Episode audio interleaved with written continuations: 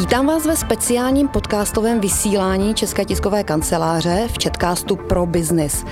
Četkást pro Business přináší rozhovory s komerčními partnery služby Protext ČTK, virtuálního tiskového střediska Četky. Mluvíme v něm s řediteli a manažery, pracovníky marketingových oddělení a tiskovými mluvčími. Já se jmenuji Martina Vašíčková a dnešním Četkástem pro Business vás budu provázet. Mým hostem u mikrofonu je manažer, který vede firmu patřící mezi největší zaměstnavatele v Česku. Eh, vítám pana Eduarda Palíška, generálního ředitele společnosti Siemens Česká republika. Dobrý den, pane řediteli. Dobrý den. Siemens Česká republika si v tomto roce připomněl 130. výročí od svého působení na území České republiky. Eh, když si to vezmeme, tak eh, nedávno jsme slavili z té výročí od vzniku samostatného Československa. To znamená, že Siemens musel být na našem území ještě mnohem dříve. Jak to tedy bylo? Je to přesně tak. Oficiální zastoupení společnosti Siemens bylo otevřeno v roce 1890. Nicméně Siemens své aktivity v českých zemích dělal ještě předtím. A byla to celá řada pionýrských projektů, jako například osvětlení Rustonovy libeňské strojírny nebo eh, velmi známého stavovského divadla. A to byly projekty, které vlastně byly realizovány ještě předtím, než Siemens otevřel svoje zastoupení. Po otevření toho zastoupení eh, v roce 1890 pak následovala celá řada velice zajímavých projektů v českých zemích, které se zaměřovaly hlavně na elektrifikaci. Bylo to, byla to výstavba městských elektráren, například eh, v Brně, ve Friedlandu, v Rumburku a e, začátkem 20. století to byl taky velice zajímavý projekt e, výstavby telegrafní a telefonní ústředny na Žižkově, což je také možná zajímavé pro posluchače. Jsou nějaké další milníky ve 20. století, které byste vypíchnul z té historie? Důležitým milníkem byla určitě fúze s e, elektrotechnickou strojírenskou akciovou společností v Mohelnici, kdy vlastně Siemens vstoupil do té výrobní oblasti jako takové pro zajímavost, eh, tato firma byla potom následně znárodněna v roce 1945, stejně jako veškerá aktiva společnosti Siemens, které tady eh, do té doby eh, byly vybudovány. A Siemens vlastně po roce 1989, kdy v roce 1990 znovu otevřel své nejenom zastoupení, ale vůbec aktivní činnost zde, mohelnickou továrnu znovu koupil. Takže je to jakási, jakýsi návrat té firmy do rodiny Siemens. A spolu s tím koupil také továrny ve Frenštátě, v Drásově, eh, postavil na Zelené louce továrnu v Trutnově a v roce 2003 eh, koupil také společnost OEZ, Orlické energetické závody, eh, které jsou velmi známým a významným dodavatelem elektrických eh, zařízení, které snad máme všichni ve svých domácnostech. No a poslední velkou akvizicí byla potom akvizice továrny na výrobu parních turbin v Brně. Eh, od té doby už se potom Siemens zaměřil hlavně na rozvoj eh, výzkumných a vědeckých aktivit, rozšiřování přidané hodnoty v těch svých jednotlivých továrnách, kdy postupně zbudoval vývojová oddělení ve všech závodech, zapojil tyto závody do celosvětového globálního systému vývoje v rámci společnosti Siemens. A toto vyvrcholilo potom v roce 2000 eh, 13, kdy jsme zde v Praze otevřeli eh, velmi důležitou součást, eh, což je prototypové centrum, vývojové a prototypové centrum, které své produkty eh, vyvíjí pro vlastně globální strukturu Siemensu. Tady toto prototypové centrum dneska pracuje pod názvem Siemens Advanta a pomáhá i zákazníkům například v České republice najít svou cestu v oblasti digitalizace. Já se jenom zmíním, musím pochválit vaše webové stránky, kde máte velice hezky tu historii zhrnutou. Jsou tam dobové fotografie, takže vřele doporučuji každému, kdo se trošku zajímá o uh, historii jakéhokoliv podniku. Pojďme od historie k současnosti. Zkuste mi stručně popsat to, co děláte dnes, jaké jsou hlavní nebo základní portfolia vašich produktů a služeb dnes. Siemens má velice široký záběr ve, svých, ve svém podnikání. Jsou to eh, nejenom věci, které se týkají digitalizace, automatizace, strojírenské průmyslové výroby, obecně jako takové procesních technologií. Má také velmi pokročilé technologie v oblasti infrastruktury, kde vlastně od chytré distribuce až po jednotlivé budovy, řízení eh, komfortu v budovách, zabezpečení budov, eh, energetické úspornosti budov a celé řady dalších technologií je schopen nabídnout městům a svým zákazníkům samozřejmě aktivní ve svých tradičních oblastech, jako je energetika, dopravní technologie, zdravotnická technika, takže skutečně velice široký zápřah, velice široké portfolio svých aktivit. A když se zaměříme teda na ta nová řešení, jako jsou třeba Mindsphere, chytrá města, průmysl 4.0, eh, spustili jste kampaň Myslete na lidi, která je zaměřená na technologie pro chytrá města.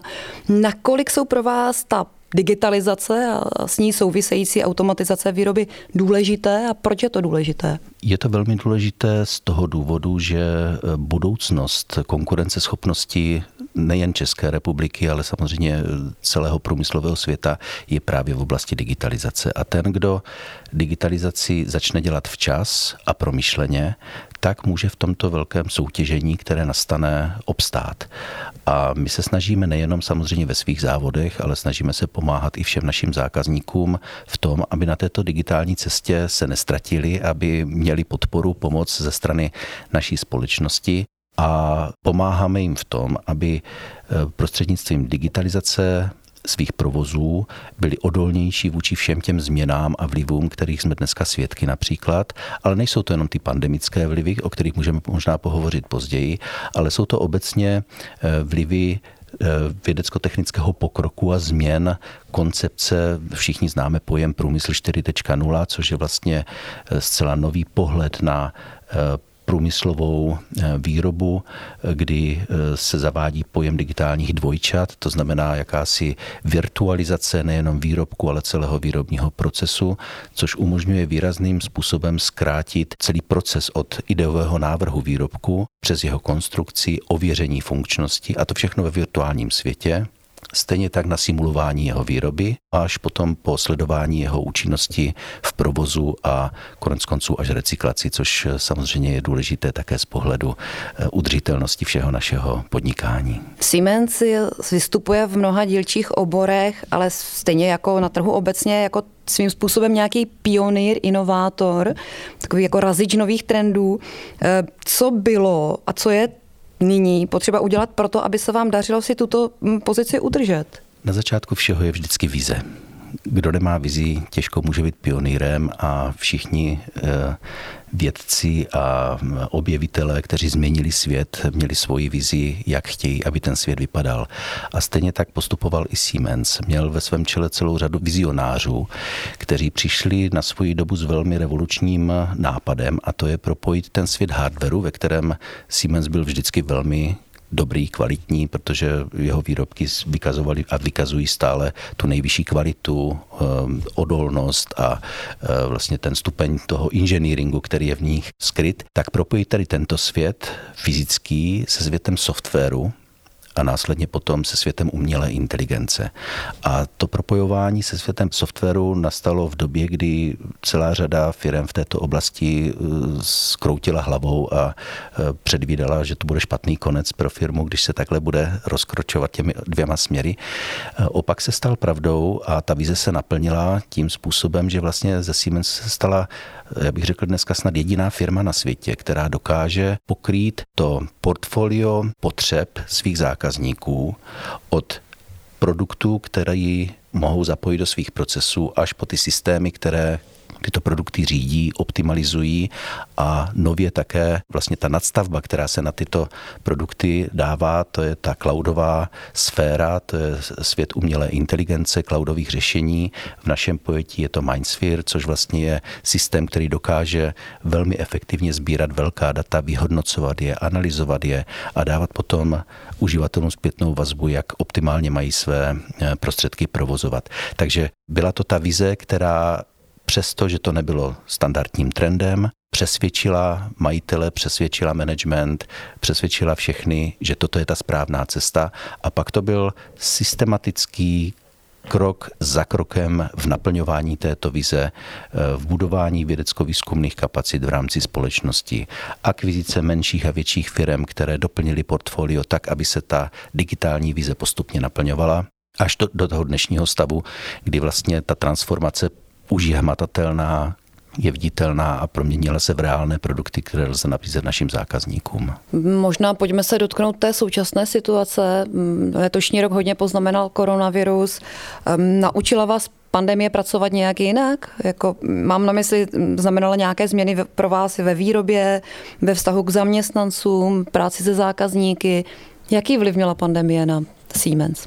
Pandemie nás všechny zasáhla, nejenom nás v Siemensu, ale celou společnost. Když se podíváme na to, jak ovlivnila například administrativně technicko-inženýrské činnosti, to znamená činnosti, které lze vykonávat nebo které se standardně vykonávaly eh, z nějakých kancelářských prostor, tak eh, tam my jsme naštěstí byli poměrně dobře připraveni na to, protože pořádání virtuálních schůzek eh, s prostřednictvím různých softwarových nástrojů, to pro nás byl denní chleba, protože samozřejmě firma tohoto rozsahu by si nemohla dovolit cestovat po celé Evropě kvůli hodinové schůzce, takže my už jsme tady tyto nástroje používali poměrně hodně v předstihu, takže jediné, co bylo potřeba, nutnost zvýšit kapacity přenosových linek, rozšířit implementaci i do oblastí, kde se třeba dříve tyto nástroje nepoužívaly.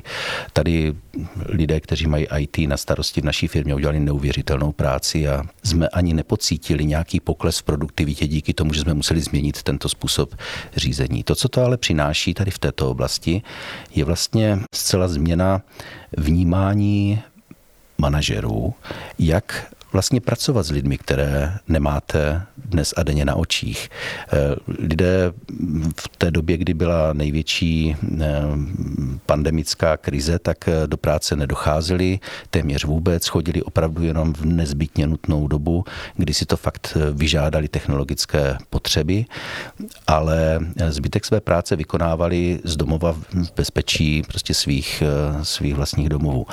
Takže naučit se, jak s lidmi zůstat zůstat v kontaktu, jak je dále motivovat, na druhou stranu, jak sledovat jejich výkonnost a všechny tyto věci s tím spojené, to je otázka, která byla doposud neřešená, protože jsme takovýmto způsobem eh, nepracovali a eh, nemůžu říct, že je zcela vyřešená. Pořád je před námi ještě spoustu toho, co se naučit, jak ty lidi motivovat k tomu, abychom společně našli ten dobrý kompromis mezi tím tou prací vzdálenou, ale na druhou stranu i tou prací týmovou, což eh, se odrazí také zcela jistě na struktuře kancelářských prostor, tak jak jsme byli všichni dřív zvyklí na to, že jsme přišli do kanceláře a měli jsme ten svůj stůl, na kterém jsme měli ty, ty fotografie našich blízkých, měli jsme tam nějakou kytičku, měli jsme tam ten svůj počítač, všechno jsme tam měli, někdo trepky pod stolem a tak, tak jako tato doba se pomalinku bude měnit v dobu, kdy pracoviště budou více a více sdílená pro více zaměstnanců, protože ne vždycky ve stejném čase budou všichni na tom pracovišti. A zcela logicky není nutné, aby firma měla prázdné stoly a prázdné kanceláře. Spíš bude potřeba eh, vytvářet taková ta coworkingová pracoviště, ta pracoviště, kde se lidé budou moci z času na čas sejít, kde budou moci prodiskutovat svoje problémy, prodiskutovat eh, výzvy, které jsou před nimi, pobavit se o jejich řešeních a prostě znovu navázat ten sociální kontakt, který je strašně důležitý i při práci z domova a pak se zase rozejít do svých domovů a pracovat eh, na projektech eh, v těch eh, zase podmínkách, které jsou. To si myslím, že bude ve velké míře implementováno i po té, co odezní koronavirová pandemie a e, bude to asi nějaký nový normál, kterému se budeme muset do budoucna přizpůsobit, protože ono konec konců dneska je to COVID-19, zítra to může být e, COVID-20 a nebo cokoliv jiného. To znamená to, že budeme pracovat jinak a že se naučíme pracovat jinak, se stane naším denním chlebem. Co se týče továren, tak tam si to vyžádalo zcela jiná opatření, protože bohužel nikdo si nemůže ten svůj soustruh nebo stroj na navíjení e, rotorů a e, statorů odnést domů a pracovat z domova, takže tam jsme byli nuceni vytvořit takové podmínky, abychom minimalizovali riziko pro zaměstnance, kteří e, do firmy přicházet musí. To znamená, zavedli jsme samozřejmě ochranné pomůcky ještě dřív, než o tom hovořil stát. Vytvořili jsme pandemické plány opět mnohem dřív, než byly diskutovány na úrovni vlád, vládních činitelů. Konec konců jsme je měli vždycky i přísnější než ty, které byly vyhlášeny všeobecně.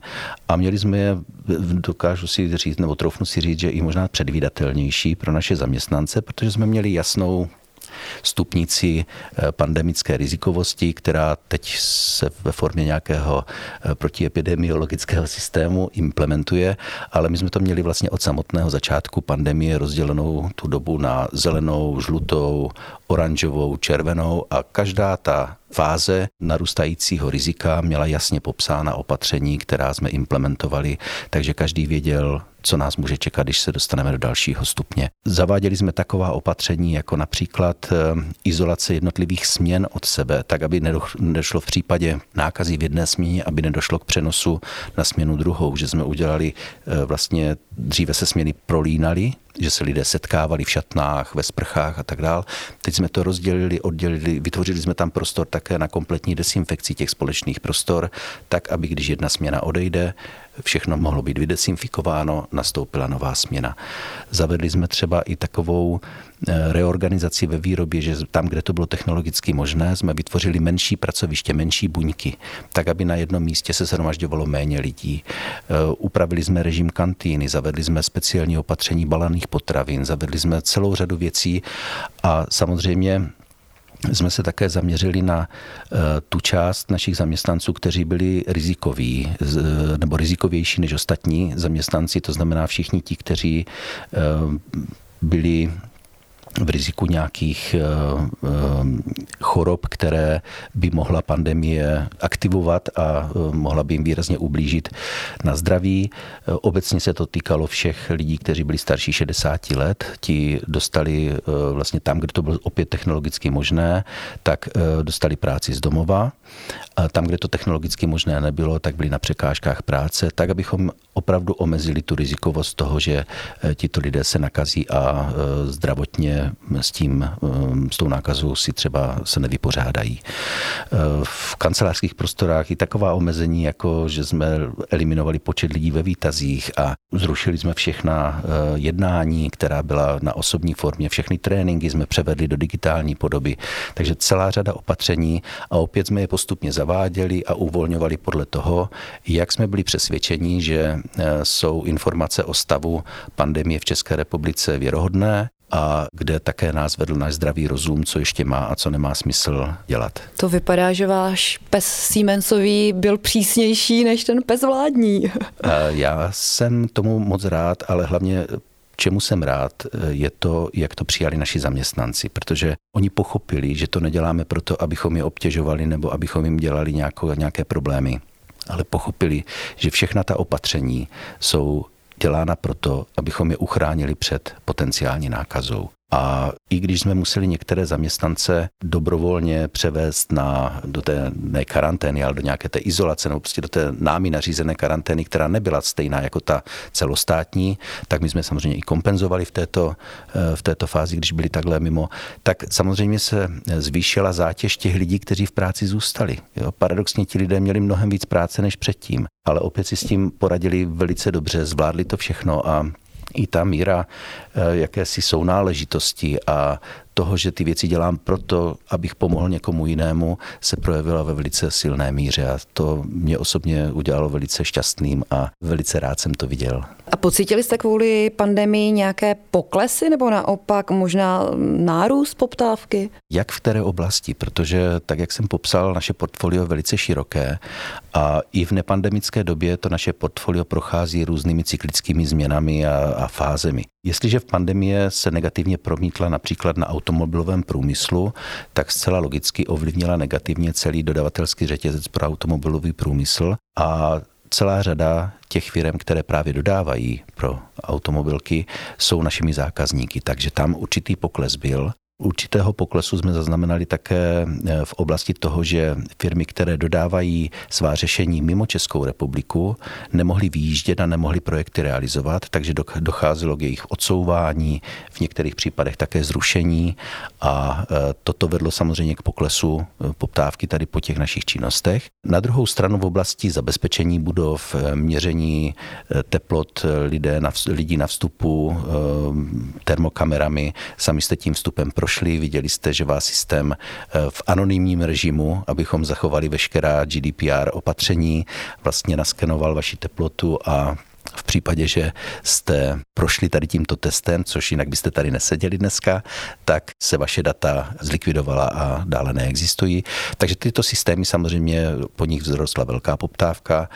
Stále funguje velká poptávka po energetické úspornosti budov a celá oblast energetiky konec konců nebyla příliš zasažena, protože tam jsou projekty ve směs infrastrukturní elektrickou energii jsme nepřestali odebírat ani v době pandemie, naopak se přesunula jejich poptávka nebo ta spotřeba do jiných eh, oblastí, takže eh, oblasti jako chytrá infrastruktura, distribuce elektrické energie, přenosové systémy, výroba elektrické energie, to všechno byly oblasti, které pandemii z našeho pohledu nebyly skoro téměř eh, zasaženy. Stejně tak vzrostla poptávka i po diagnostických zařízeních ve zdravotnické technice, dopravní technologie de facto, tam bych řekl, že spíš pouze ten dopad byl způsobený tím, že zdroje, které buď státní firmy nebo jiné firmy měly na to, aby pořizovali novou dopravní techniku.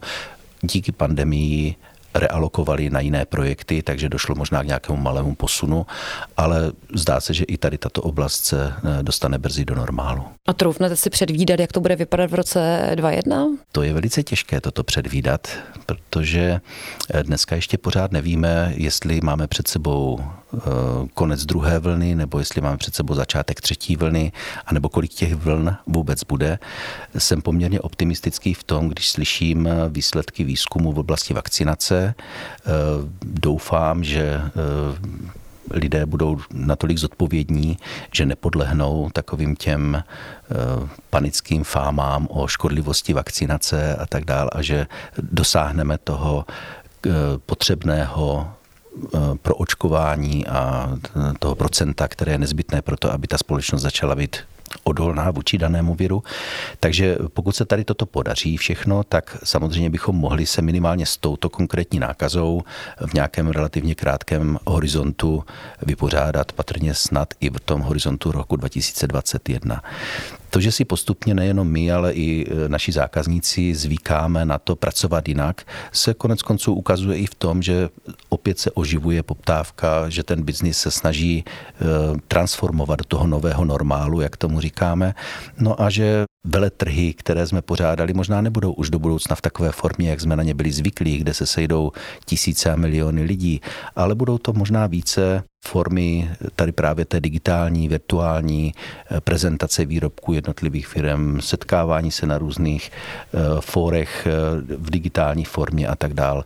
My se tady toto snažíme také podporovat a řešit. A musím říct, že jsme velmi spokojení s tím, jaká odezva, pozitivní odezva z odborné veřejnosti právě na všechna ta naše vysílání, která děláme a vysvětlujeme eh, potřebu digitalizace a eh, jakýchkoliv nových technologií, takže ta reakce je velice pozitivní. Vy máte na svém webu vyhlášenou výtvarnou soutěž pro školáky na téma, jak bude vypadat svět za 130 let. Mě by zajímalo podle vás, jak bude vypadat. No tak já si myslím, že se můžeme klidně inspirovat u těch dětí, protože to jsou děti, my máme dvě kategorie, eh, do desíti a na deset let.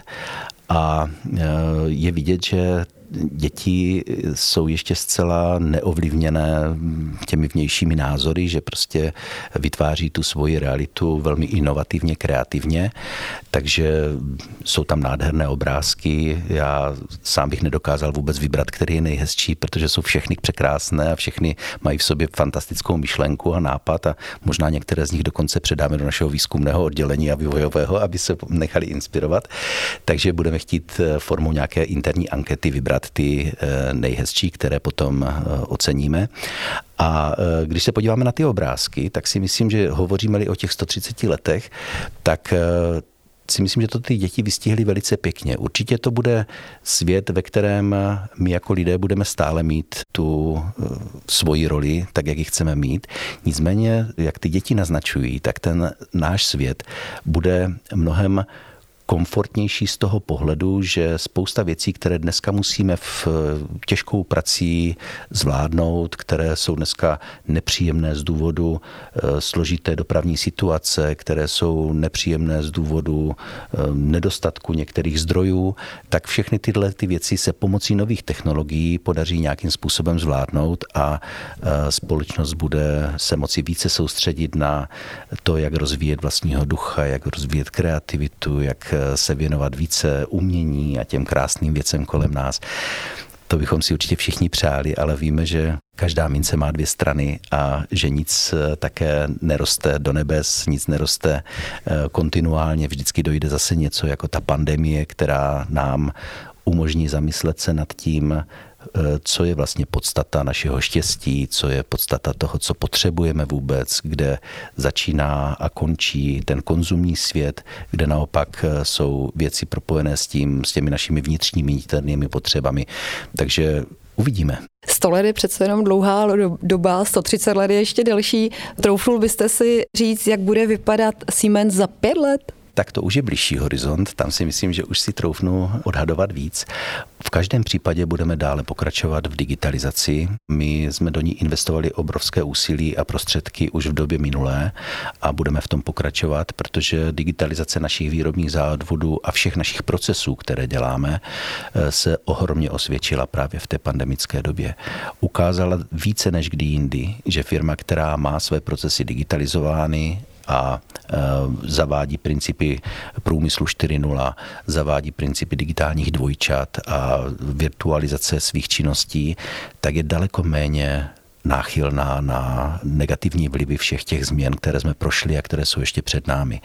Svaz průmyslu udělal velice zajímavou studii o tom právě, jaká je míra implementace průmyslu 4.0 v českých eh, firmách, eh, jaké je stále vnímání managementu těchto firm, co se týče potřebnosti průmyslu 4.0 a bylo strašně zajímavé sledovat, jak se změnil náhled podnikatelů v České republice na digitalizaci obecně a na průmysl 4.0 před pandemí a jak se změnil v či po pandemii. Eh, velká většina z nich si uvědomila, že možná trošičku promarnila tu příležitost, kterou mohli využít ještě v době, kdy jsme měli sluníčko a všechno bylo v klidu a teďka v těch bouřlivých dobách se to samozřejmě dělá trošičku složitěji, nicméně všichni, eh, ne všichni, ale velké procento z nich pochopilo, že digitalizace do budoucna je cesta, která jim umožní udřet si jejich konkurenceschopnost. Protože Podíváme-li se na Českou republiku, tak eh, my jsme dlouhou dobu čerpali právě z té komparativní výhody, kdy naše levná pracovní síla vyvážila ty eh, jiné nedostatky, které eh, jsme eventuálně tady mohli být, co se týkalo třeba pokrokovosti té výroby a tak. A tady tento fenomén se dostává na pokraj, protože mzdy trvale rostou, Všichni chceme, aby lidé v České republice dosáhli životního standardu tak, jak je běžné v západních zemích, ale nemůže to být jenom jedna z cest. Musí to být doprovázeno právě tou vysokou produktivitou práce a vysokou přidanou hodnotou a k tomu právě ta digitalizace je tou cestou. To je ten lék na tady tento problém. Spousta lidí se obává, že digitalizace a průmysl 4.0, automatizace a robotizace, že je připraví o práci. Zajímavé je, když se podíváme do té studie, tak ve firmách, kde se implementovaly koncepty průmyslu 4.0 a to, o čem hovoříme, umělá inteligence dokonce, tak dokonce vzrostl počet zaměstnanců. Protože ta firma nejenom, že získala větší e, svoji účast na trhu, získala více zakázek, ale rozvinula své další obchodní modely, rozvinula další směry podnikání, takže z toho čistého dopadu nakonec nedošlo k poklesu zaměstnanosti v těchto firmách, ale naopak k jejich navýšení. Takže si myslíte, že roboti nevezmou práci lidem? Já jsem přesvědčený o tom, že ne. Oni vezmou některý druh práce, ale když se na to podíváme na ten proces implementace robotizace, tak ten také nenastane ze dne na den kliknutím prstu. To jsou všechno velmi nákladné investice, které musí jednotliví podnikatelé absolvovat a e, realizovat. A souběžně s tím lidé stárnou a odcházejí do důchodu. To znamená, co je důležité, je postupně a systematicky připravovat tu generaci, která je v aktivním věku a hlavně tu generaci, která nastupuje do průmyslu, aby byla schopná a připravená pracovat v tom novém prostředí digitálního věku. A věřím tomu, že lidé, kteří dneska ve firmách pracují a jsou blízcí tomu důchodovému věku, tak svoji pracovní kariéru bez vážných problémů dokončí, protože nedojde k těm změnám hned. Vždycky budou potřeba lidé s jakousi eh, zkušeností, s tím fortelem, který musí předat i té digitální generaci. Takže já jsem z tohoto pohledu eh, velký optimista. Ano, bude se měnit struktura pracovních míst v České republice, to je zcela jednoznačné a neodiskutovatelné, ale nebude to skoková změna, nebude to nějaká revoluce, bude to opravdu spíš evoluční proces, ale nebude pomalý. To je potřeba si říct. Nemůžeme se tvářit, že se nás to netýká, týká se nás to všech, ať jsme jakkoliv staří a kdokoliv dokáže transformovat své znalosti tak, aby byl schopen najít si tu svoji parketu v digitálním světě, tak bude vítězem tady této transformace. To byl hezký optimistický závěr našeho rozhovoru. Já děkuji eh, panu generálnímu řediteli společnosti Siemens Eduardu Palíškovi a přeji hodně zdraví. Děkuji vám také. Přeju všem hodně zdraví.